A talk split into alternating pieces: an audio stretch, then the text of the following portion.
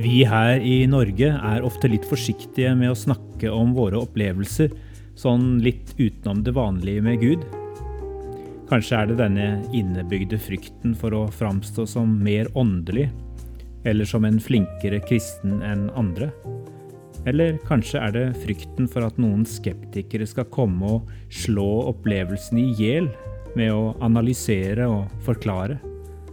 Det er alltid mulig å radbrekke en subjektiv opplevelse med å vise til hvordan følelsene våre kan spille oss et puss, hvordan kroppen vår kan reagere i gitte situasjoner, hvordan tilfeldigheter spiller inn.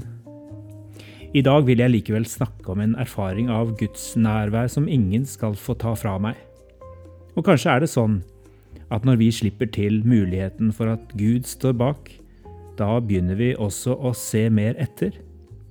Og når vi ser mer etter, da kan vi begynne å ane at Gud slettes ikke har gått av med pensjon og latt oss være igjen alene for å holde hjulene i gang.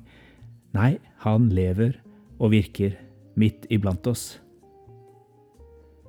I Hebreerne 12 står det dere er ikke kommet til et fjell dere kan ta og føle på, ikke til flammende ild, skyer, mørke og storm, ikke til gjallende horn og en røst som talte slik at de som hørte den, ba om å bli spart for å høre mer. Nei, dere er kommet til fjellet Sion, til den levende Guds by, det himmelske Jerusalem, til titusener av engler, til en høytidsfeiring. Jeg var 15 og et halvt år.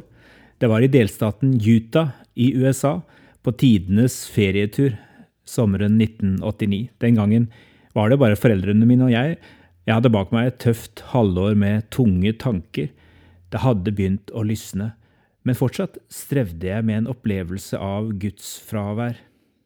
Vi hadde vært på reise i USA en stund, og nå hadde vi leiebil og kjørte til en nasjonalpark som mormonerne har kalt for, ja, nettopp Sion, eller Zion, oppkalt etter fjellhøyden der byen Jerusalem ble bygget. Det var der jeg fikk en av mine sterkeste åndelige erfaringer noen gang. Det skjedde da vi kjørte inn i den dalen der den oransje Zion-fjellkjeden plutselig sto rett opp rundt oss.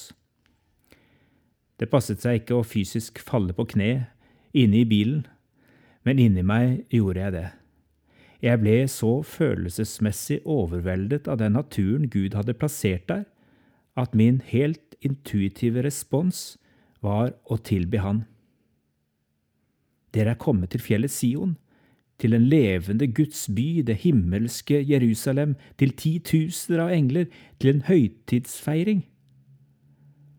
Jeg hadde neppe hatt den samme overveldende opplevelsen hvis jeg hadde besøkt Zion i dag, det er ganske klart for meg at det var en slags eksistensiell øyeblikksopplevelse som vi noen ganger kan få, en sånn en som ikke kan bestilles eller kjøpes, en kombinasjon av et ytre sanseinntrykk som traff noen indre strenger i meg som ingen hadde spilt på på lenge.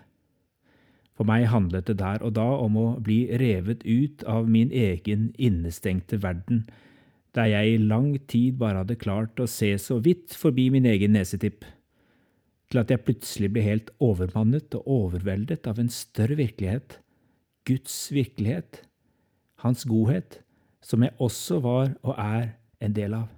Det er den virkeligheten som Gud har skapt, og hvor jeg får lov til å høre til, og jeg ble fylt av en slags uforklarlig fred, av typen Gud har kontroll. Jeg forstår ikke alt, det er mye som fortsatt ikke gir mening. Men det er ikke jeg som skal fikse dette. Gud er så mye større enn mitt hode og mine følelser. Så kan skeptikeren sikkert si, da kunne du etterpå ha blitt både buddhist, hinduist og muslim. Og det er sant, for den storslåtte erfaringen av Gud der og da kunne ikke stå på egne bein. For meg gikk veien helt naturlig tilbake til en kristen tro og et fornyet møte med den treenige Gud i Bibelen. Dette er ikke en gudsopplevelse som kan måle seg med f.eks. Jesajas visjon i tempelet nær Sionfjellet 600 år før Jesus ble født, som vi leser om i Jesaja kapittel 6. Og jeg er heller ingen profet, men likheten med min egen opplevelse der inne i nasjonalparken Zion i 1989 var at den hjalp meg til å få et større bilde av hvem Gud er. Dette at jeg skal slippe å være konge i mitt eget liv. Jeg skal slippe å være en som har all kontroll og oversikt. At det er Gud som får sitte på tronen, og at livet har en større mening og hensikt enn jeg til enhver tid ser, når jeg ofte går med skylapper og ofte ser mer innover på meg selv enn utover og oppover. Hellig, hellig, hellig er Herren Sebaot. Hele jorden er full av Hans herlighet. Hellig, hellig, hellig er Herren Gud, den allmektige, Han som var, og som er, og som kommer. Velsignet er du, Far. Før verdens grunnvoll ble lagt, valgte du å sammenfatte alt i Kristus, alt i himmel og på jord. Du er ikke alene. Gud lever og virker midt iblant oss. Ha en velsignet dag i Guds nærhet.